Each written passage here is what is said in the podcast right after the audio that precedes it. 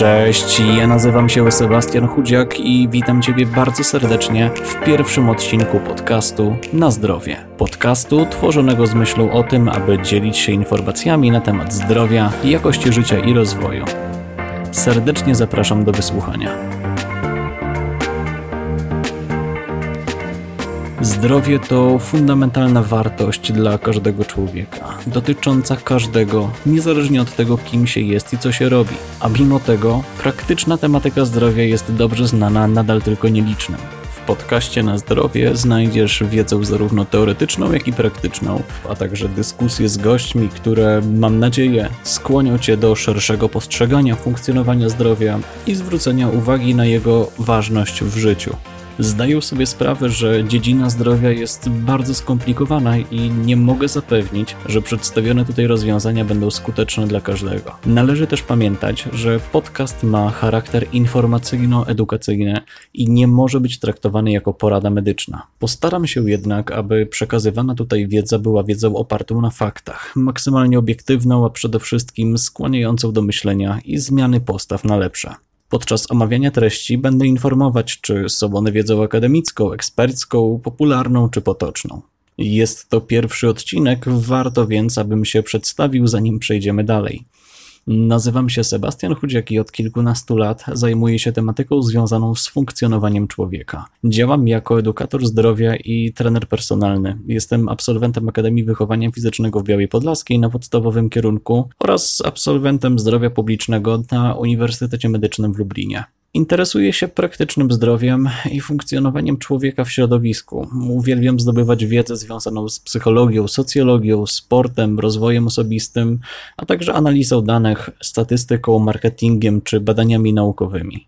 Lubię tworzyć, pisać, szukać, zbierać, analizować dane, a później wyciągać z nich wnioski.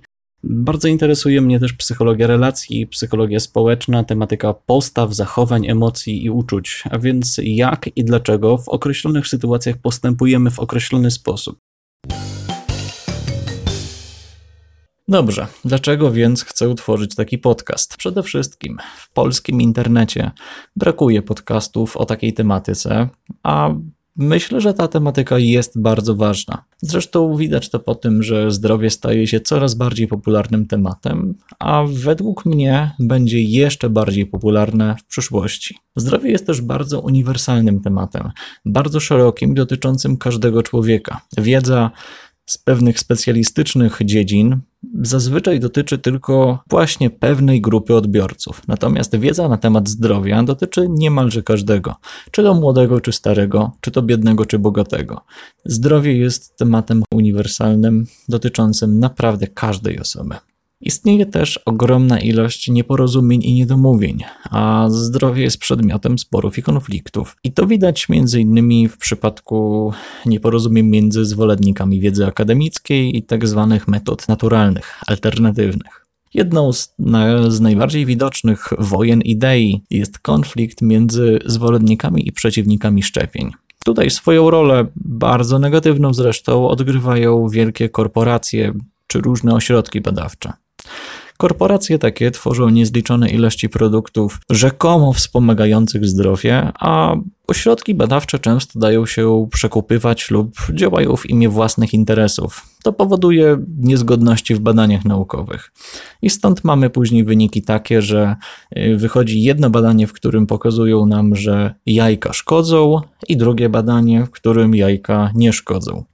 Już teraz można znaleźć w internecie na przykład 10 metaanaliz, czyli takich zbiorów badań naukowych odnośnie jajek, odnośnie tłuszczów zwierzęcych, mięsa czy czegokolwiek podobnego, w których mowa jest o tym, że one szkodzą i wpływają negatywnie na zdrowie populacji, i kolejne 10 metaanaliz, w których wychodzi, że mm, produkty te są zdrowe i wpływają bardzo pozytywnie. Oczywiście tę tematykę będę poruszał w innym odcinku podcastu, ponieważ jest ona nie niesamowicie skomplikowana i wątpię, żeby w godzinę czy nawet dwie godziny dało się wyczerpać ten temat.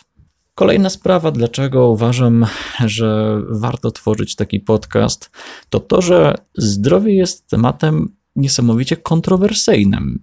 I właśnie dlatego, co przed chwilą powiedziałem, oraz dlatego, że ono dotyczy każdego. Każdy, mm, każdy z nas uważa je za mniej lub bardziej ważne dla siebie, więc tego typu konflikty, spory, niedomówienia i nieścisłości, które występują w przypadku zdrowia, powodują to, że mm, bardzo często ulegamy pewnym emocjom, pewnym różnym naciskom różnych grup, jeżeli tylko mowa o tematyce zdrowia.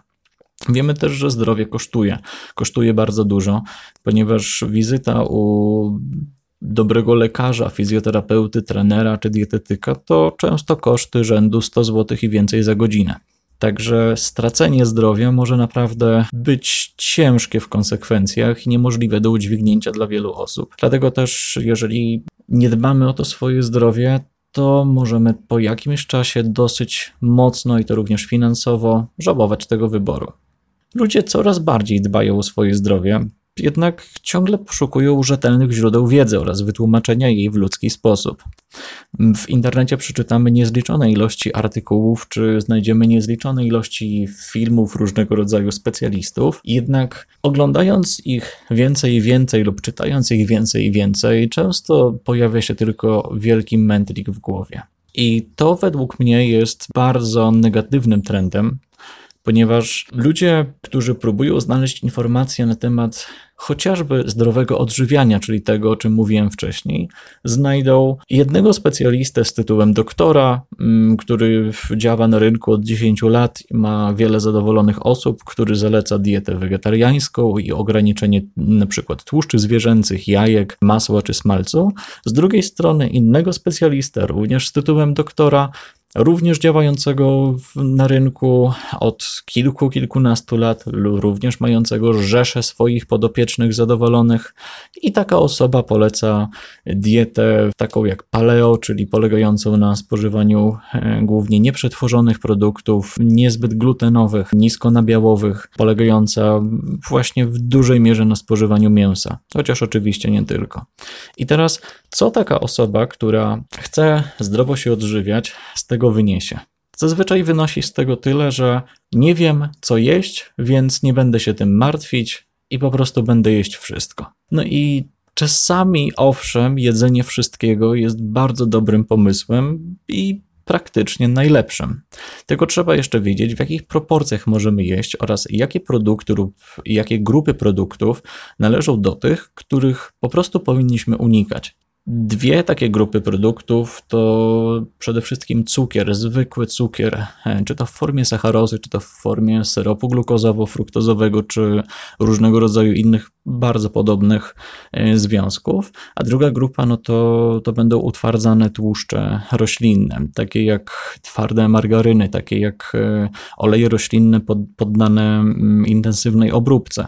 Te dwie rzeczy w zasadzie nie muszą występować w naszym powszechnym odżywianiu w ogóle. To znaczy, one w ogóle nie są nam potrzebne do tego, żebyśmy funkcjonowali, i praktycznie każda ich ilość będzie przyczyniała się w jakimś bardzo drobnym lub większym stopniu do pogorszenia naszego stanu zdrowia. Tematyka odżywiania oczywiście też będzie poruszona w zupełnie innym odcinku, poświęconym tylko temu. Kolejna rzecz to fakt, że wiele osób traktuje zdrowie tylko jako brak choroby. Do lekarza idzie dopiero w przypadku, gdy już coś się dzieje. No, tylko wtedy może być już za późno. Potrzebna jest profilaktyka i dbanie o zdrowie już wtedy, kiedy jest ono świetne. Problemem może być to, że wiele osób nie zwracających uwagi na swoje zdrowie po prostu traci je i gdy już je straci, wtedy idzie do lekarza. Problem pojawia się taki, że ta osoba jest już często gdzieś za późno. Jeżeli jest osoba, która dopuściła się do cukrzycy, to będzie już naprawdę ciężko odwrócić cukrzycę.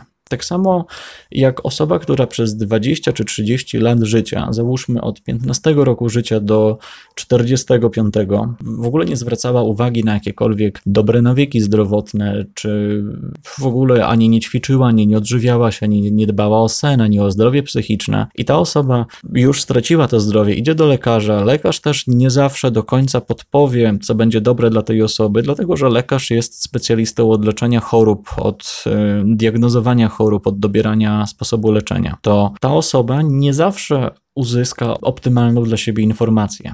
I problemem dużym może być wtedy fakt, że u tej osoby będzie już bardzo ciężko wyrobić poszczególne dobre nawyki. To znaczy, ta osoba będzie musiała mieć naprawdę bardzo duże pokłady determinacji w sobie, aby zmieniła radykalnie swoje odżywianie, swoje nawyki dotyczące czy to aktywności ruchowej, czy to snu, czy to dbania o zdrowie psychiczne, o sam stres, o relacje z innymi ludźmi i wiele innych rzeczy, bo, bo tak wiele rzeczy będzie składało się na zdrowie. Jeżeli faktycznie osoba będzie zdesperowana i będzie jej naprawdę zależało, no to okej, okay, poradzi sobie. Gorzej jest wtedy, kiedy taka osoba już się podda, a niski stan zdrowia niestety bardzo często koreluje z tym, że ludzie nie mają w sobie determinacji, nie mają dużej pewności siebie i po prostu poddają się. Okej, okay, przejdźmy w takim razie do tego, czym jest zdrowie. Od definicji takiej potocznej przez naukową, aż po praktyczną. W definicji potocznej ludzie uważają zdrowie, tak jak przed chwilą wspomniałem, za na przykład brak choroby, lub uważają, że zdrowie jest wtedy, kiedy dobrze się czują, lub zdrowie jest wtedy, kiedy są dobre wyniki badań. I są to definicje na granicy pomiędzy błędnymi a bardzo nie, niesprecyzowanymi. Według definicji naukowej WHO, zdrowie to jest dobrostan zarówno fizyczny, społeczny, jak i psychiczny, pełny, maksymalny dobrostan, a nie tylko brak choroby lub jakiegoś kalectwa. Istnieje wiele naukowych definicji zdrowia, o których nie będę tutaj specjalnie mówić, chociaż na studiach ze zdrowia publicznego mm, poznałem ich już naprawdę wiele, ale właśnie ta definicja, o której przed chwilą powiedziałem, jest uważana za taką najbardziej możliwie poprawną. Jest ona też krytykowana, dlatego że co to jest tak naprawdę pełny dobrostan, szczególnie w czymś takim jak pełny dobrostan społeczny. Czy jeżeli ktoś mnie nie lubi, to to nadal jest pełny dobrostan, czy już nie? Lub jeżeli od czasu do czasu bardzo delikatnie boli mnie lewa noga, ale w ogóle w niczym mi nie przeszkadza, to czy jest to pełny dobrostan fizyczny i ja nadal mogę mówić, że jestem zdrowy? No właśnie. Zdrowie w praktyce, jaka by mogła być jego definicja? Nie chciałbym tutaj też wchodzić w te definicje, ponieważ my jako ludzie mamy taką tendencję, że uwielbiamy wszystko nazywać. Czyli niektóre rzeczy, niektóre czynności, procesy próbujemy ograniczać do naszego zasobu słownictwa. I to może zubażać lekko te procesy, te rzeczy, które nazywamy. W praktyce zdrowie to po prostu całokształt funkcjonowania człowieka. Dzieli się on na wspomniane już sfery podstawowe, czyli ciało, umysł i relacje międzyludzkie, oraz sfery dodatkowe, takie jak sfera duchowa, sfera ogólnej jakości życia, sfera rozwoju, sfera poczucia spełnienia czy zaspokojenia potrzeb. I tutaj warto dodać, że ciało i umysł to po prostu bardzo ogólne uproszczenie tak naprawdę nie istnieje coś takiego jak ciało i umysł, ponieważ umysł jest ciałem, a ciało to właśnie umysł. I tutaj warto przypomnieć lub wprowadzić takie pojęcie jak psychosomatyka. Ponieważ ciało jest jedną całością, dzielenie tego, którego oczywiście ja będę używać w tym podcaście, będzie tylko dlatego, żeby troszeczkę bardziej skupić się na jednym czy drugim. Pojęć tych po prostu będę używać przede wszystkim po to, aby lepiej zobrazować to wszystko. Pamiętajmy jednak, że w praktyce nie ma takiego podziału jak ciało i umysł. To jest ciągle jedność. Przejdźmy więc do tego, z czego składa się zdrowie, jakie są determinanty zdrowia. Klasyczne determinanty ujął w swoim raporcie z 1973 roku Marc Lalonde. Stwierdził on, że za około 50 do 55% naszego stanu zdrowia odpowiedzialny jest styl życia, a dziedziczenie i geny za około 15-20%. Kolejne 20% to środowisko, w którym żyjemy, natomiast za pozostałe 10% odpowiada opieka zdrowotna. Jednak w praktyce, w ujęciu troszeczkę bardziej dokładnym, możemy mówić o zupełnie innych determinantach zdrowia i będzie to na przykład płeć. Mężczyźni mają większą podatność na przewlekłe choroby. Występują tutaj różnice w hormonach. Mężczyźni też mają dużo częściej, chociaż wcale to nie jest tak widoczne na pierwszy rzut oka, problemy psychiczne. Kolejnym takim determinantem jest wiek. Starszy organizm jest bardziej podatny na przeróżne czynniki chorobotwórcze, ponieważ procesy rozpadu, czyli procesy kataboliczne, niestety, ale zaczynają już po pewnym wieku przeważać nad procesami budowy, czyli procesami anabolicznymi. W każdym razie chodzi o to, że z czasem, z wiekiem po prostu organizm staje się bardziej podatny na degenerację i mniej regeneruje się. Następnie dieta i dostęp do żywności. Jest to wyjątkowo istotny czynnik, bo w dużym uproszczeniu można powiedzieć, że składamy się praktycznie w 100% z tego, co zjedliśmy. Oczywiście oprócz gazów, y, ale tak naprawdę cały, cały nasz organizm to jest to, co zjedliśmy, to, co przyswoiliśmy przez układ pokarmowy. I dostęp do żywności dla nas mieszkających w cywilizowanych krajach może nie jest to jakimś specjalnie istotnym elementem, ale w wielu miejscach, także nawet na wsiach, bywa tak, że dostęp do żywności jest znaczącym determinantem zdrowia i niektóre osoby nie mogą sobie pozwolić na dobrej jakości mięso, owoce czy warzywa. Następnie aktywność fizyczna to jest kolejna niesamowicie istotna cecha. E, liczy się tutaj każda aktywność fizyczna, więc nie tylko chodzenie na siłowni, nie tylko bieganie, ale także bardzo spontaniczna aktywność fizyczna. Jeżeli jesteś typem osoby, która woli przejechać dwa przystanki autobusem zamiast przejść się lub dojeżdża 500 metrów do sklepu samochodem, no to już gdzieś może pojawiać się drobny problem. I z takim czymś być może będzie trzeba na samym początku walczyć, aby poprawić stan swojego zdrowia.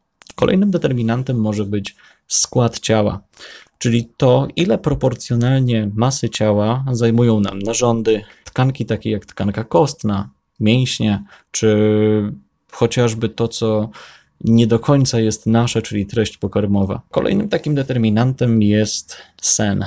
Jego nie tylko długość, ale przede wszystkim jakość. Sen jest niesamowicie zaniedbywany w aktualnych czasach, ponieważ naprawdę wiele ludzi potrafi przedkładać pracę, czy nawet rzeczy związane z przyjemnością, takie jak oglądanie seriali, czy słuchanie muzyki, czytanie książek, nad sen, a sen będzie determinował pracę naszego mózgu w niesamowicie istotnym stopniu. Oczywiście na temat snu poświęcimy tutaj jeden konkretny odcinek, w którym sen zostanie dokładnie omówiony i wytłumaczony. Dalej używki, nałogi i narażenie na inne substancje szkodliwe. Używki są stosowane niestety bardzo powszechnie przez większość populacji, w tym także młodzież i dzieci. I są to używki najbardziej popularne, czyli alkohol, papierosy i niektóre rodzaje mniej lub bardziej miękkich narkotyków. Są one wyniszczające dla naszego zdrowia i prowadzą do poważnych nałogów. Bardzo często jest tak, że osoby, które spożywają sporadycznie alkohol w postaci np. dwóch piwek utrzymują bardzo silnie, że nie są one uzależnione, że one mogą przestać w każdej chwili, że one piją tylko dlatego, że jest im tak dobrze, bo się dobrze bawią, bo to jest związane ze spotkaniem się ze znajomymi, z jakąś socjalizacją.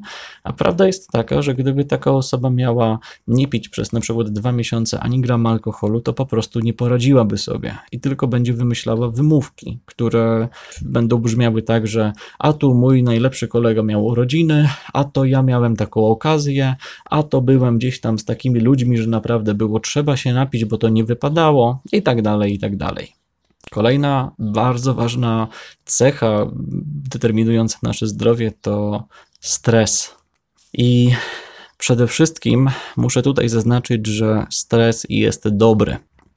Zły jest tylko stres przewlekły, czyli nieumiejętne radzenie sobie ze stresem. Stres, który przekracza pewne trzy bariery, które my powinniśmy mieć. Pierwsza bariera to bariera wejścia, czyli jeżeli zbieramy za dużo stresu, no to już może być problem.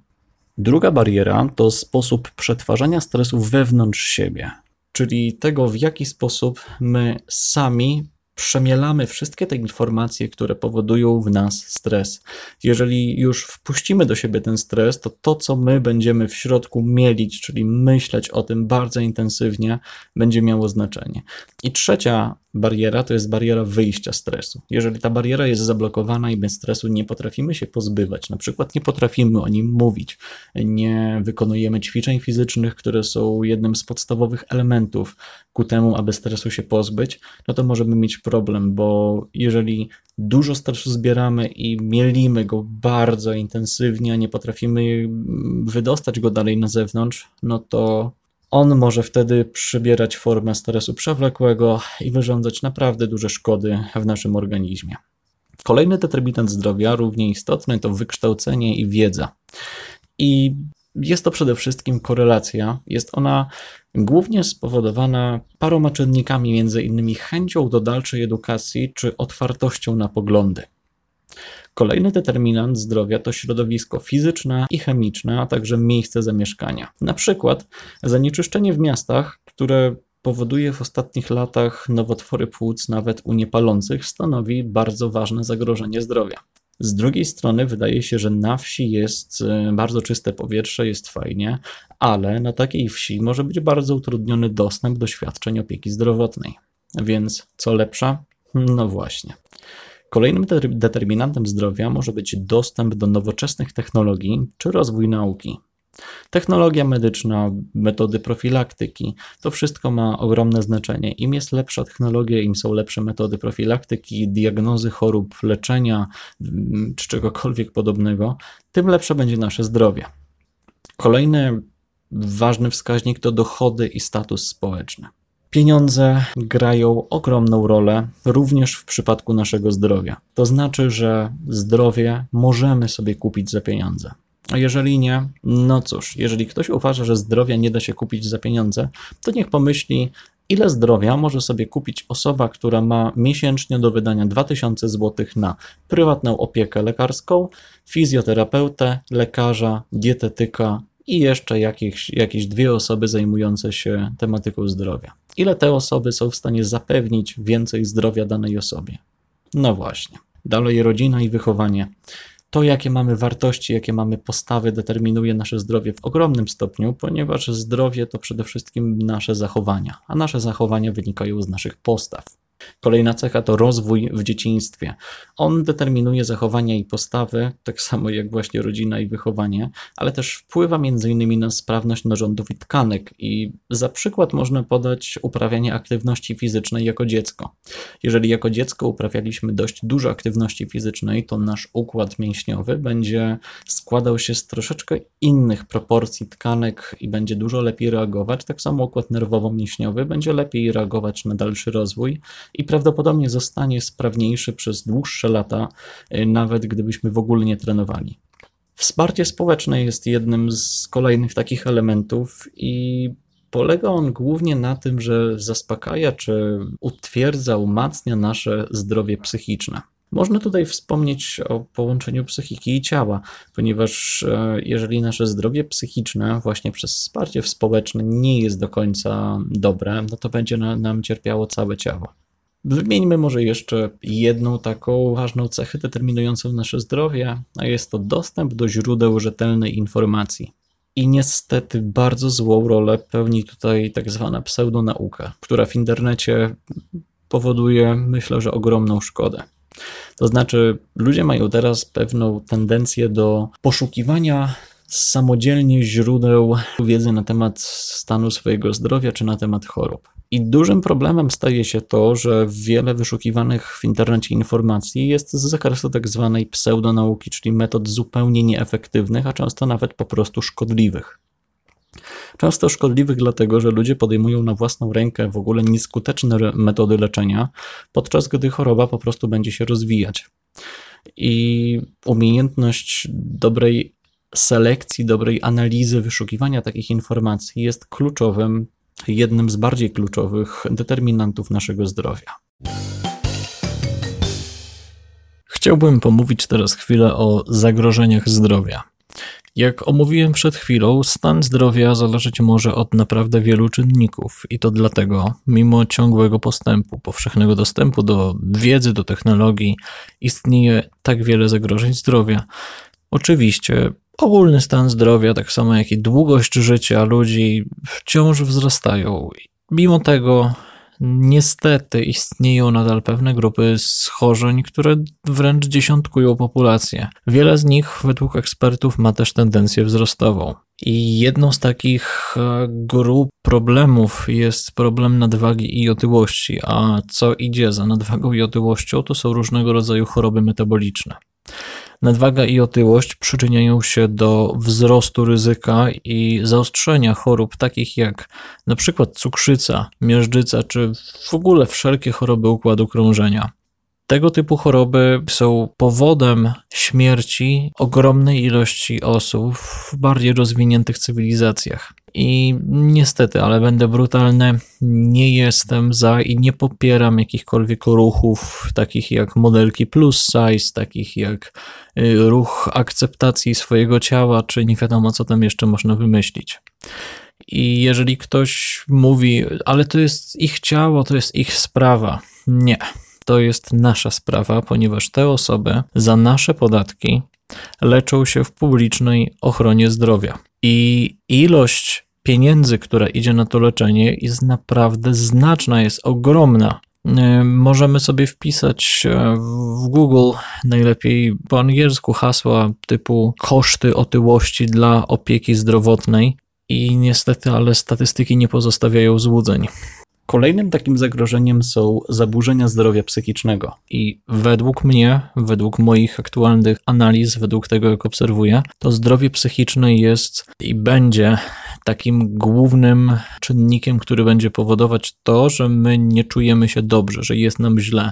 Czyli będzie niejako główną grupą chorób i zaburzeń, jakie, jakie będą występować. I to na zdrowiu psychicznym też w tym podcaście będę skupiać się bardzo często. Kolejny taki czynnik, który powoduje, że zdrowie naszej i całej populacji jest zagrożone, to starzenie się społeczeństwa. Chodzi tu o to, że długość życia wciąż rośnie, co za tym idzie, coraz więcej osób jest starszych. To znaczy, w naszym społeczeństwie żyje po prostu coraz więcej osób starszych. Tego typu osoby są, jak wiadomo, bardziej podatne na różnego rodzaju choroby, więc niejako generują one jeszcze większe obciążenie dla opieki zdrowotnej i osoby, które nie dbają o siebie już od młodszych lat, będą bardzo dużym obciążeniem dla nas, jak już będą starsze i kiedy ich będzie więcej. Kolejny czynnik, kolejny problem to zanieczyszczenie powietrza. Ono jest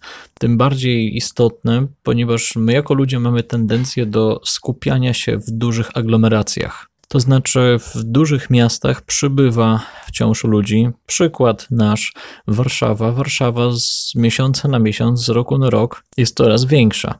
I ludzie bardzo często uciekają z małych miast, w których brakuje na przykład perspektyw, w których brakuje pracy, takiej oczywiście, jaka by im odpowiadała, do miast dużych, gdzie jest dużo łatwiej o pracę, o perspektywy, o ludzi, imprezy, środowisko, o wszystko. Dosłownie o wszystko. Oczywiście nie będzie nigdy tak, że wszyscy będą mieszkać bez wyjątku w dużych miastach, ponieważ duża część ludzi zwyczajnie dużych miast nie lubi. Niektórzy mogą sobie pozwolić na przykład na pracę zdalną. Nie widzę sensu, jeżeli ktoś jest przykładowo informatykiem albo wykonuje e, kursy online, czy robi cokolwiek, co jest pracą stricte zdalną, żeby ta osoba mieszkała w centrum dużego miasta, jeżeli takiego miasta nie lubi, jeżeli nie chce w takim mieście mieszkać, kiedy może sobie w małym mieście wynająć kawalerkę za 300-400 zł miesięcznie, bo takie są ceny, i tam sobie mieszkać naprawdę spokojnie. Również cena mieszkania w takim Lublinie, w którym mieszkam ja, cena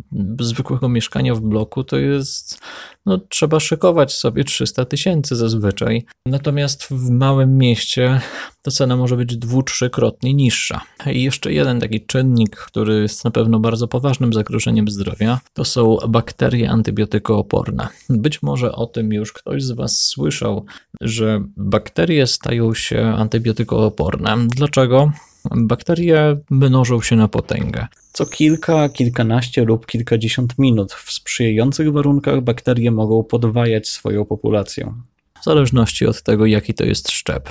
Bakterie w drodze ewolucji, która następuje u nich przez tę częstotliwość rozmnażania bardzo szybko, nabierają pewnych właściwości. To znaczy, antybiotyki są stworzone po to, aby zabijać bakterie. Jednak jeżeli jakiś niewielki ułamek, jakiś mikroprocent tych bakterii z powodu na przykład jakiejś mutacji genetycznej przeżyje przy tym antybiotyku, to ten szczep pozostaje i ten szczep jest namnażany z taką samą prędkością. Wśród tych, jeżeli nawet pojawi się lepszy antybiotyk lub większa jego dawka, znowu będą pojawiały się bakterie, które będą na niego w jakiś sposób odporne. I dlaczego jest problem? Dlatego, że po pierwsze, my jako ludzie stosujemy za dużo różnego rodzaju leków, antybiotyków. Jeżeli ktoś ma zwykłe przeziębienie, które jest zazwyczaj spowodowane infekcją wirusową górnych dróg oddechowych i bierzemy na to antybiotyk, co gorsza, jeżeli byśmy brali antybiotyk, który jest w ogóle niedostosowany do tej choroby, to będziemy mieli jeszcze większy problem, ponieważ nie dość, że niszczymy naszą populację dobrych bakterii, które są w jelitach, w całym układzie pokarmowym w zasadzie, jeszcze przyczyniamy się do tego, że powstają bakterie antybiotykooporne. Drugim takim problemem tutaj jest też e, nadużywanie bardzo często różnego rodzaju leków w hodowlach mm, zwierzęcych i tam też pojawia się ten problem. Tutaj od razu informuję, to nie jest tak, że w mięsie są antybiotyki, ponieważ jest coś takiego jak okres karencji i ten okres wynosi, no dobrze, nie będę teraz mówić ile, żeby, żeby nie pomylić, ale okres karencji polega na tym, że określoną ilość czasu przed ubojem danej partii zwierzyny nie stosuje się już żadnych leków po to, żeby procesy metaboliczne związane z tym lekiem całkowicie ustały, żeby ten lek wyczyścił się z tego organizmu, przynajmniej do takiego stopnia, w jakim nie będzie on już miał jakiegoś znaczącego wpływu. Tutaj no, dodam też, że mięsa nie spożywamy zazwyczaj całkowicie surowego, więc mówienie o tym, że mm, są tam jakieś antybiotyki, które wpływają na nas negatywnie, kiedy to mięso poddaliśmy obróbce termicznej, też nie do końca byłoby właściwe. Jak więc dbać o swoje zdrowie? W dbaniu o zdrowie spotykamy się z pewnymi problemami, a są to przede wszystkim złożoność zdrowia i jego względnie trudna ocena, bo czy w praktyce każdy odczuwa dobry stan sprawności fizycznej czy psychicznej tak samo? No raczej nie. No i druga sprawa to postawy. Ludzie często nie doceniają zdrowia, dopóki go nie stracą. A jak już stracą, to może być za późno. Więc dbanie o zdrowie to tak naprawdę zwiększanie świadomości na temat jego roli, zmiana postaw, i dopiero kiedy te postawy są już odpowiednie, możemy przejść do poszczególnych obszarów, które dla każdego mogą być całkiem inne. Zwykle ograniczają się one do kilku czynników, takich jak aktywność fizyczna, odżywianie, umiejętne zarządzanie stresem, poprawa jakości snu, używki, odpowiednie środowisko i przede wszystkim odpowiedni ludzie dookoła. No i sposób myślenia, który jest naprawdę ważny. Mówi się, że zdrowie to fundament funkcjonowania każdego człowieka. W końcu wyobraźcie sobie, że projektujecie budynek. Nieważne, czy jest to jednopiętrowy sklepik, pięciopiętrowy blok mieszkalny, piętnastopiętrowy biurowiec czy stupiętrowy drapacz chmur.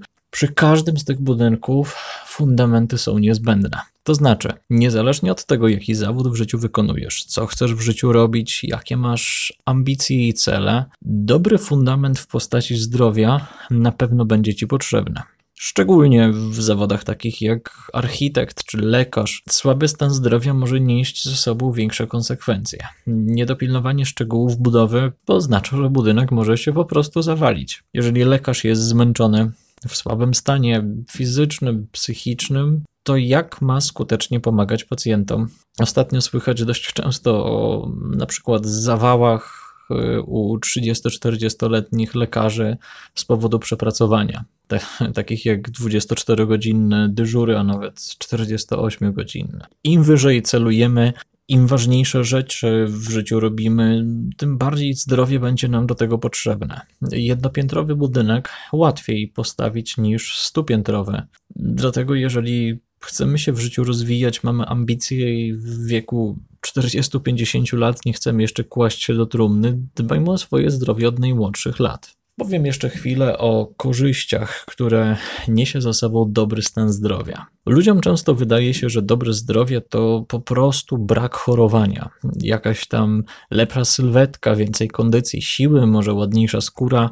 A dobry stan zdrowia to przede wszystkim sprawność umysłu, dobre samopoczucie, także większa pewność siebie. To wszystko przekłada się na lepszą jakość życia, na więcej szczęścia, na większe zarobki, bardziej szczęśliwy związek. To jest właśnie zdrowie. Nie ograniczajmy się więc do postrzegania zdrowia tylko pod kątem braku choroby czy lepszej sprawności. Zdrowie to coś wiele, wiele więcej. To przede wszystkim szczęście, którym możemy cieszyć się przez wiele lat.